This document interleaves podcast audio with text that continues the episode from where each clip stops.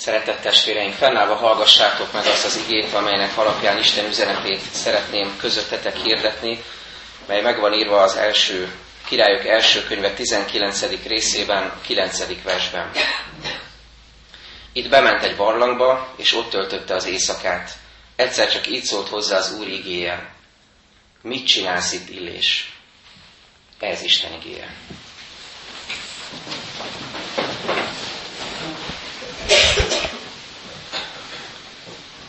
Tegnap este az új utolsó Isten tiszteletén ennek a történetnek az előzményét olvastuk a 18. részből, ahol arról hallottunk, arról olvastunk, erről tanított minket Isten igéje, hogy Illés egyedül maradt egy óriási túlerővel szemben, Baál papok, Asera papok, proféták, a kétfelé sántikáló nép, az istentelen életet élő Áb és Jezábel, a királyi páros, hát velük szemben ott áll Illés, és ő igyekszik nagyon bátor szívvel képviselni Isten ügyét.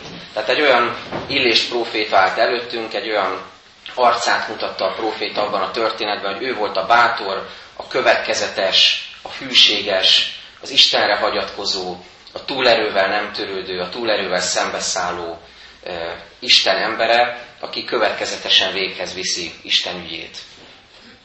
És itt a 19. részben egy egészen másik arcával ismerkedhetünk meg Illés profétának. Az előbb azt mondtuk, hogy ő volt a bátor, most pedig azt kell lássuk, hogy ő az, aki bátorításra szorul. Ő az, aki gyenge, ő az, aki üldöztetést kell, hogy elszenvedjen, ő az, aki szinte összeroppan a terhek súlya alatt, és neki van szüksége most bátorításra. Olyan jó azt meglátni, hogy Isten nem skatujáz be bennünket. És zárójelbe jegyzem meg, mi se tegyük ezt egymással. Ez is egy jó tanács erre a következő évre. De milyen jó ezt látni, hogy Isten nem skatujáz be bennünket, vagyis lehetünk önmagunk. Lehetünk erősek is, hogyha ő megsegít, és mutathatunk erőt, nem szillelhetünk, hanem valóban mutathatunk erőt, hogyha ő erősít meg minket, ahogy Illés is tudott bátor és erős lenni, de vállalhatjuk a gyengeségeinket is. Most az év utolsó napjaiban a városban autózva láttam, hogy rengeteg szilveszteri járus kihurcolkodott a nagy faszon reményében, és többek között ilyen állarcokat is árultak. És ez, ez a kép ugrott be, hogy, hogy mennyiféle ára, állarcot kínál a világ, amelyeket felhúzhatunk magunkra, és amelyekkel elfedhetjük azt, hogy kik is vagyunk valójában. Viszont az Úrral való kapcsolatban nem kell állarcot húznunk, nincs helye a mellébeszélésnek, felesleges minden ilyen színlelés és színjátszás, hanem lehetünk önmagunk az Úrral való kapcsolatban. A ma olvasott történetben Illést kísérhetjük végig egy nagyon különös lelki úton, és ebben egy kicsit megláthatjuk a magunk lelki útjának a kezdetét is ennek a, az új esztendőnek az elején. Ahogy látjuk, majd elindul az elesettségtől, a gyengességtől, az összetöretés állapotából Illés, és az Úr eljuttatja a megerősödés felé. Az Úr színe előtt megállva szembesülhet az Úr szelíd és halk hangjával. Ez a vágy lehet a mi szívünkbe is, hogy Istennek ezt a halk és szelít hangját halljuk ebben az évben. Az első mozzanata tehát a történetnek, hogy hogyan készíti fel Isten a profétát, az ő emberét és bennünket is az útra, a feladatra. Illés, aki bátran kiállt, hogy az előbb összefoglaltam az előző történetet, Isten ügyért a túlerővel szemben is, most át kell, hogy élje az üldöztetést mondhatnánk azt is, hogy törvényszerű. Hogyha az ember kiáll az Isten ügye mellett, ha következetesen képviseli azt, akkor ennek az eredménye az lesz, hogy ezért üldöztetés kell elszenvednie. És emiatt még elszomorodnunk sem kell, mert Jézus azt mondta, boldogok vagytok, hogyha üldöznek titeket az igazságért, hogyha miattam uh, szenvedéseket kell eltűrnötök. Nem mindig vagyunk ettől boldogok, de erősödjünk meg ebben, hogy Jézus ezt üzeni nekünk, hogy Illés proféta módjára, ha kiállunk Isten ügye mellett, akkor ezzel együtt jöhetnek a szenvedések, az üldöztetések is. És Illés kezd összetörni ez alatt. Tehát nagyon komoly összetöretésen megy keresztül.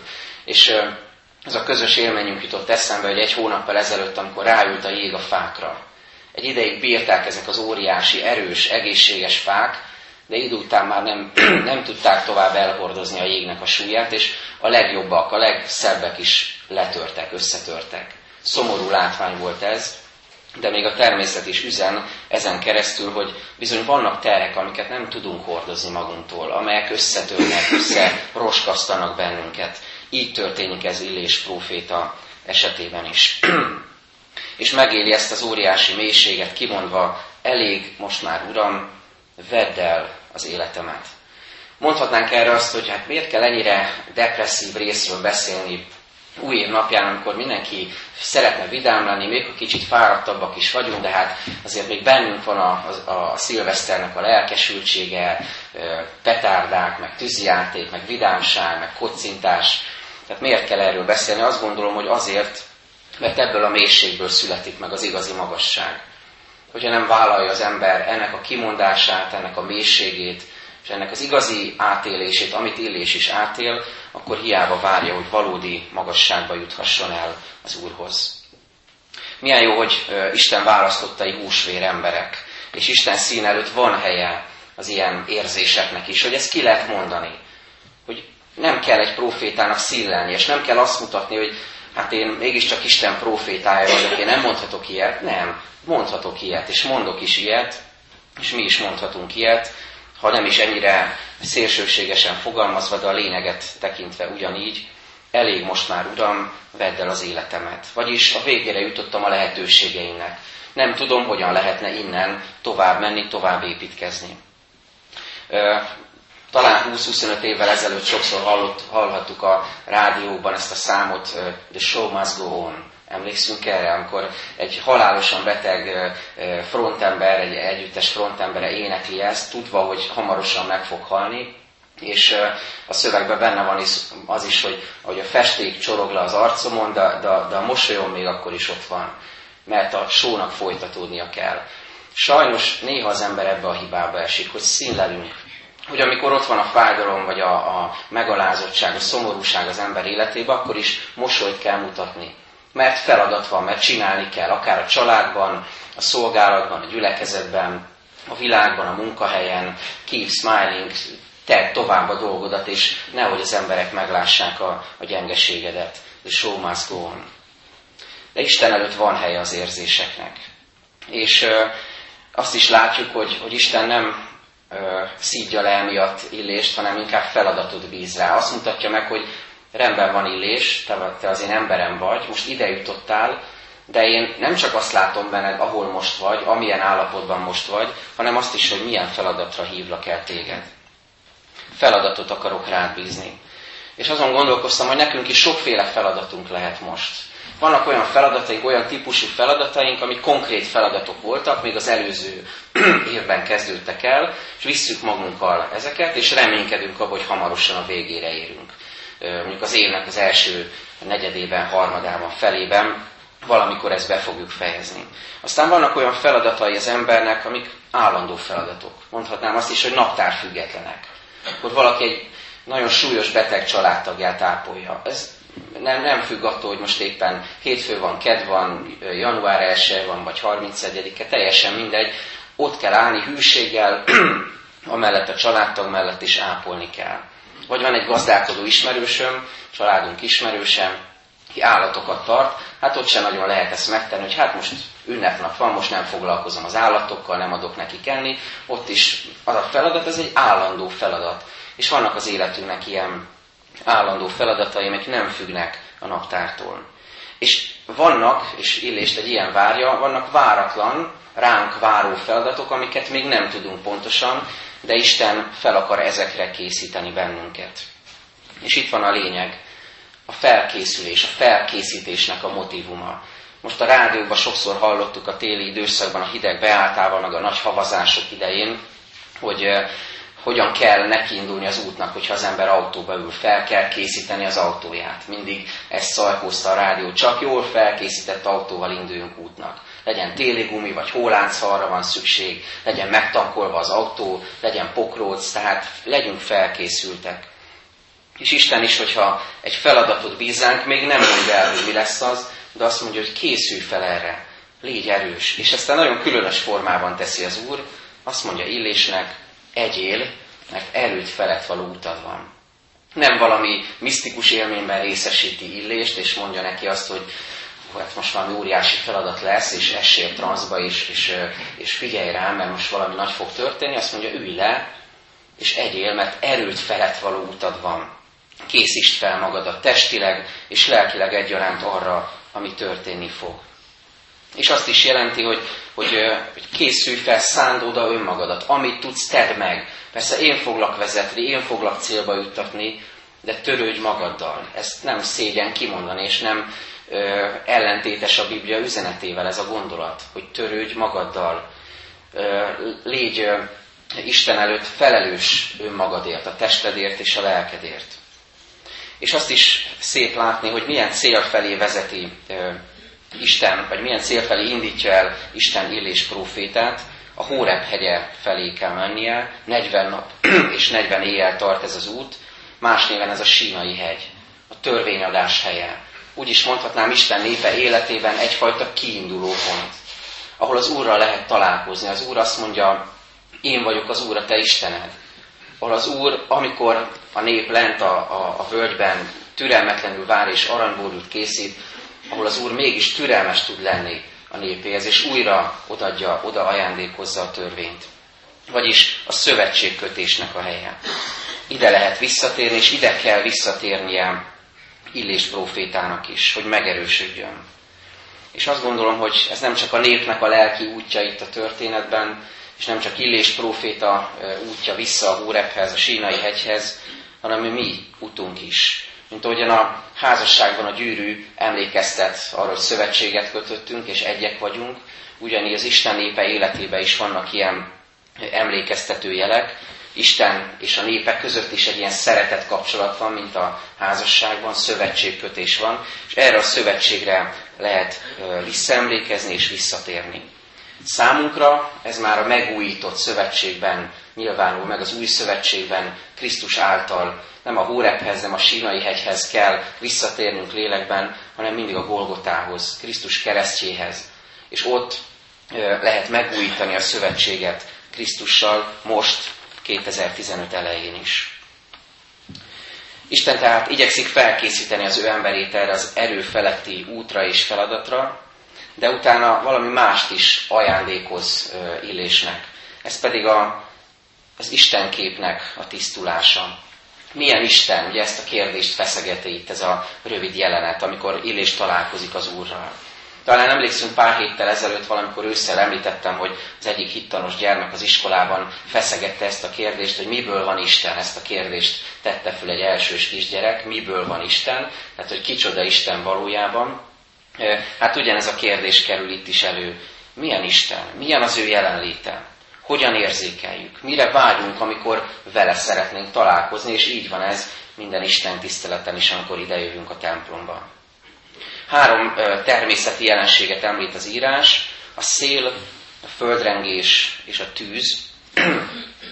Olyan jelenségek, amelyektől a régiek, őseink, eleink nagyon tartottak, amelyektől féltek, amelyeket sokszor a természeti népek istenként tiszteltek, istenítettek, és így van ez ma is sokfelé a világban. De ebből maradt azért bennünk is valami, tehát egy-egy nagyobb földrengésnél, vagy ha meg, megmozdul a föld, vagy villámlik, vagy dörög, mi is összerezzenünk azért. Tehát benne van az emberben a félelem ezektől a jelenségektől. Valami istenit hordoznak ezek az ember lelkében. És Isten azért is hívja maga elé illést, hogy megtisztítsa a próféta Isten képét, és ezt csak ő teheti meg, nagyon fontos ezt látni. Tehát ha az ember maga kezdi el faricsálni a, a képet, a szobrot, akkor abból valamilyen torsz kép jön ki, vagy egy idő után elfogy. Addig faricsáljuk, amíg már nem marad belőle semmi. De Isten az, aki megtelti ezt, és tisztán elénk adhatja, hogy ő kicsoda, kijelentheti magát. Na de mi is ez a lecke, amit megtanít itt Illésnek? Azt, hogy ő nincs benne a látványos, ijesztő, hangos, káprázatos természeti jelenségekben, bár az Úr az alkotója mindennek, de hiba volna pusztán a jelenségek hangerejében és hatalmasságában keresni őt. Ugye visszaemlékeztem kicsit karácsony üzenetére, hogy Jézus Krisztusnak a földre jövetele ugyanilyen csendes módon történik, mint ahogy ebben az igében is itt a halk és szelít hangra utal Isten, hogy ő ilyen, hogy ő így kommunikál, így beszél velünk sokszor. Persze voltak látványos jelenségek is, mert megjelent az angyal, vagy az angyalok serege, énekeltek az angyalok, vagy királyok jöttek, ajándékot hoztak, de ez egy viszonylag szűk körre korlátozódik ezeknek a, az érzékelése. Alapvetően mi történik Jézus megszületésekor? Egy este megszületik egy gyermek. Nagyon egyszerűen fogalmazva. A világ talán észre sem veszi, csak nagyon kevesen szembesülnek ezzel. Istennek ez a halk és szelít hangja. Azt olvassuk, a tűz után halk és szelít hang hallatszott.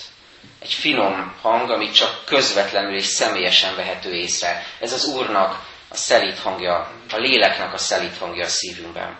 Olyan divatos manapság beszélni a megújuló energiaforrásokról. Hát én hadd mondjam a testvéreknek biztatásképpen, hogy ennek az évnek, 2015-ös évnek a megújuló energiaforrása, megújuló lehetőség, amiből mindig erőt meríthetünk, és soha nem fogyatkozik meg ez a lehetőség, hogy figyelhetünk erre a halk és szelít hangra.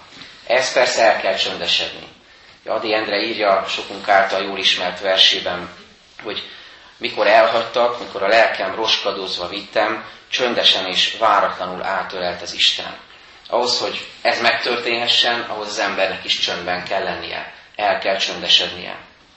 Szükség van ehhez külső csöndre, a körülményekre. Erre is néha tudatosan kell figyelni, hogy az embernek legyenek olyan idei, idői, alkalmai, minősített, elkülönített idői, amikor az Úrral tud csöndben lenni, vele tud közösségben lenni.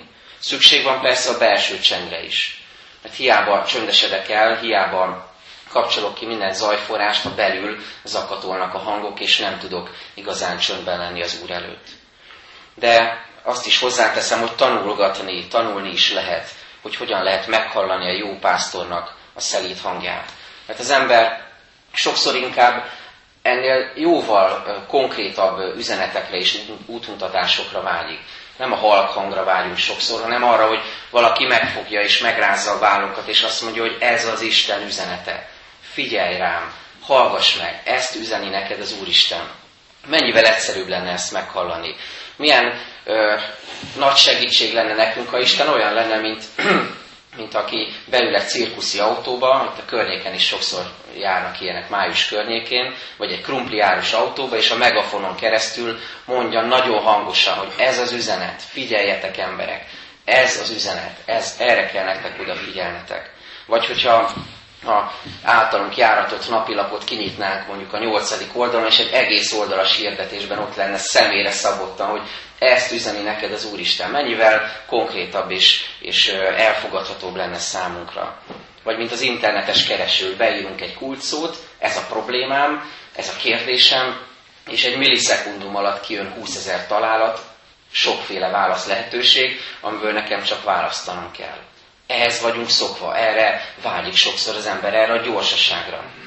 És Isten pedig azt mondja most ennek az évnek az elején nekünk, egy kicsit lassíts le, egy kicsit figyelj oda erre a halk és szelít hangra, amit én akarok neked üzenni, amin keresztül akarok üzenni neked.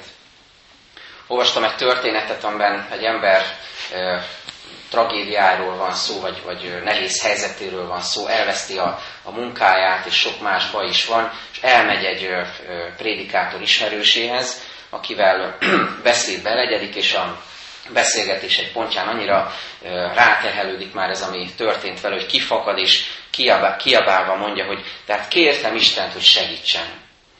És akkor a szoba kicsit távolabbi részében lévő beszélgető partnere mond valamit, de nem lehet hallani, hogy mit, mert suttogva mondja azt. És akkor kérdezi ez a kiabáló ember, hogy, hogy mit mondtál, és akkor megint megismétli. Kicsit közelebb megy, megint megismétli, még mindig nem hallja, és amikor egészen közel megy, akkor azt hallja, hogy suttogva ezt mondja ez a prédikátor, Isten néha suttog, ezért közelednünk kell hozzá, hogy meghalljuk. Illésnek is ezt a leckét kell megtanulnia. Elmegy a tűz, a földrengés, elülnek ezek a hangok, megnyugszik a, a környezet, és akkor a halk és szelít hangon keresztül megszólítja őt Isten. És hogy mit is mond Isten, valójában nem egy tanítást, hanem inkább egy kérdést. És ez a harmadik, amire még figyelhetünk, ezzel a kérdéssel kell szembesülnie Illés profétának. Mert az Isten kép kitisztítása mellett ez a másik ok, amiért ő ott van. Ezzel a kérdéssel szembenézzen. Mit csinálsz itt, Illés? Ja, az emberi kapcsolatainkban ezt nagyon sokféle hangsúlyjal és érzéssel és indulattal föl lehet tenni ezt a kérdést. Például a kellemes meglepetéssel, hogy te mit csinálsz itt, hogy kerülsz ide, de jó, hogy te is itt vagy, amikor váratlanul találkozunk valakivel. Vagy lehet ezt rosszalóan is föltenni, hogy te miért vagy itt, mint hogyha zavarna a másik, te mit keresel itt vagy esetleg értetlenkedve is, hogy te minek vagy itt, úgyse tudsz segíteni, teljesen értelmetlen, hogy, hogy te is itt vagy. Tehát nagyon ö, rossz hangsúlyjal is föl lehet tenni ezt a kérdést. Isten azonban szeretetből, törődésből és, és nevelésből kérdezi meg Illést és bennünket is. Mit csinálsz itt? Mi dolgod itt? Hogy kerültél ide? Hogy jutottál ide? Hogy jutottál idáig? Mi mentél keresztül? Mi az, ami hajt? Mi az, ami elől menekülsz. Nagyon hamar előkerül ez a kérdés, vagy egy hasonló kérdés a Szentírásban, amikor az ember engedetlenné válik Istennel szemmel, és Isten megkérdezi tőle, hol vagy? Hol vagy Ádám? Hol vagy ember? Úgy is kérdezhetnénk. Hol van a te helyed? Miért történt mindez, ami történt? Isten ezzel a kérdéssel én úgy látom, hogy élés profétát vissza akarja vezetni, és bennünket is vissza akar vezetni valahová, ahonnan újra lehet kezdeni. Nem azért teszi fel ezt a kérdést, hogy elbizonytalanítson, hogy kellemetlen perceket okozzon a profétának vagy nekünk, hanem azért, hogy megmutassa azt a pontot, ahol esetleg valami megbicsaklott, valami megtört, valami megromlott, hogy oda visszatérve onnan újra lehessen kezdeni megújult szívvel, lelkülettel. Az új év első napján ezért ez a halk és szelít hang tőlünk is kérdezi, hogy mit csinálsz itt? Értsük jól mindannyian, mit csinálsz itt a templomban? Nyilván Isten dicsőíteni jövünk, és keressük a válaszokat, és közösséget keresünk. De egy picit mélyebbre ásva, majd az imádságos csöndben is keressük a választ erre. Mit csinálunk itt a templomban, a gyülekezetben? Mit csinálunk itt általában a világban, ahova Isten elhelyezett bennünket? Mi dolgunk van itt? Látjuk-e ezt a feladatot? Mit csinálunk a családunkban? És ezeket a kérdéseket kétféleképpen is lehet érteni. Az egyik, hogy milyen lelkülettel, milyen identitással és milyen vágyakkal vagyunk jelen, mi az, amit hordozunk magunkban, hogyan vagyunk jelen az életünknek ezen a területein, de azt is jelenti ez a kérdés, amit szó szerint is jelent, hogy mit csinálunk. Hogy ténylegesen mit csinálunk ezeken a helyeken. Érdemes ezt mérlegre tenni. Hogy vajon amit csinálunk, az valóban hasznos-e, építő-e, szükséges-e, és Isten dicsőségére van-e. Szeretetből fakad-e, vagy pedig esetleg ne adj Isten önzésből. Mi az, amit teszel, mit csinálsz itt, mindannyiunknak név szerint szól ez a kérdés, mit csinálunk a családban, gyülekezetben, a világban, a ránk bízottak körében, a szolgálatainkban, mit csinálunk, ténylegesen hasznos-e, építő-e, szükséges-e, amit teszünk. A foci meccseken van egy olyan intelligens program, ami megmutatja azt, hogy egyes játékosok hány kilométert futottak, és a pályának melyik területén mozogtak. Megmutatják azt, hogy valóban végre tudták-e hajtani a taktikát, amit az edző, a szövetségi kapitány rájuk bízott. De ami ennél sokkal fontosabb, hogy vajon volt-e értelme ennek a futkosásnak. A mi életünkre is rá lehetne vetíteni ezt a szoftvert, és meg tudnám mutatni, hogy merre szaladgáltunk a pályán, hány kilométert futottunk az elmúlt évben, és azt újra ismétlem, ennél sokkal fontosabb az, hogy vajon volt-e értelme, van-e értelme ennek a futkosásnak, és tudunk-e figyelni mi mennyei edzőnkre, hogy azt az utasítást tudjuk végrehajtani, amit ránk bízott. Ezek a kérdések jönnek tehát elénk, mit csinálsz, hol vagy, látod-e, hogy Isten felkészít a feladatra, hallod-e a szelíd és halk hangot, és hol vagy elsősorban Istenhez képest, Krisztushoz képest, Jézussal való kapcsolatodban. Vigyük ezeket a kérdéseket csöndben most Isten elé, imádkozzunk és kérjük az ő útmutatását ennek az esztendőnek az elején. Csöndesedjünk el.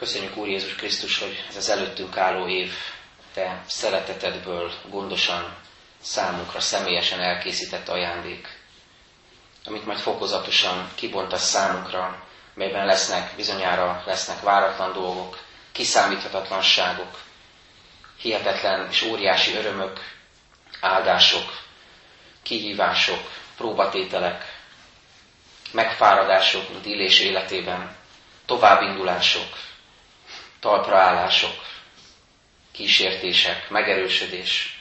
Köszönjük, hogy mindez ott van ebben az évben elrejtve. Köszönjük, hogy sok minden titok ebben. De legfőképpen azt köszönjük, hogy mindez és a mi életünk a te kezedben van elrejtve. Kérünk, hogy hordoz bennünket továbbra is, és segíts, hogy meg tudjuk hallani a te halk és szelít hangodat.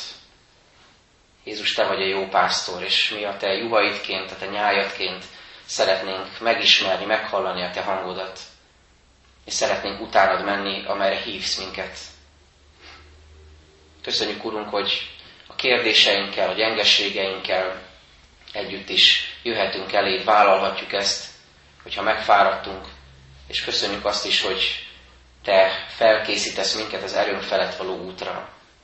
Ahogy Illésnek mondtad, hogy egyél, mert erőt felett való utad van, nekünk is ezt üzened most, hogy egyetek, táplálkozzatok, testetekben, lelketekben, azért, hogy felkészülten állhassatok majd, hogyha eljön az a feladat, amire hívtalak benneteket. Köszönjük, Úrunk, hogy Te vezet szent lelkeddel, és ezért nem kell sötétben tapogatóznunk, mert te, mert a világosság gyermekeiként a világosságban akarsz minket vezetni. Kérünk most azért, hogy adj erőt családjainknak, gyülekezetünknek és nemzetünknek, hogy mindvégig hűséggel téged követhessünk ebben az esztendőben is. Köszönjük a meghallgatott imákat, és most eléd járulunk közös imádságunkkal. Mi, atyánk, ki a mennyekben vagy, szenteltessék meg a te neved, jöjjön el a te országod, legyen meg a te akaratod, amint a mennyben, úgy a földön is. Minden napi kenyerünket add meg nékünk ma, és bocsáss meg a mi védkeinket, miképpen mi is megbocsátunk az ellenünk védkezőknek. És ne vigy minket kísértésbe, de szabadíts meg minket a gonosztól, mert Téd az ország, a hatalom és a dicsőség mind örökké. Amen. Énekeljük fennállva nemzeti imádságot.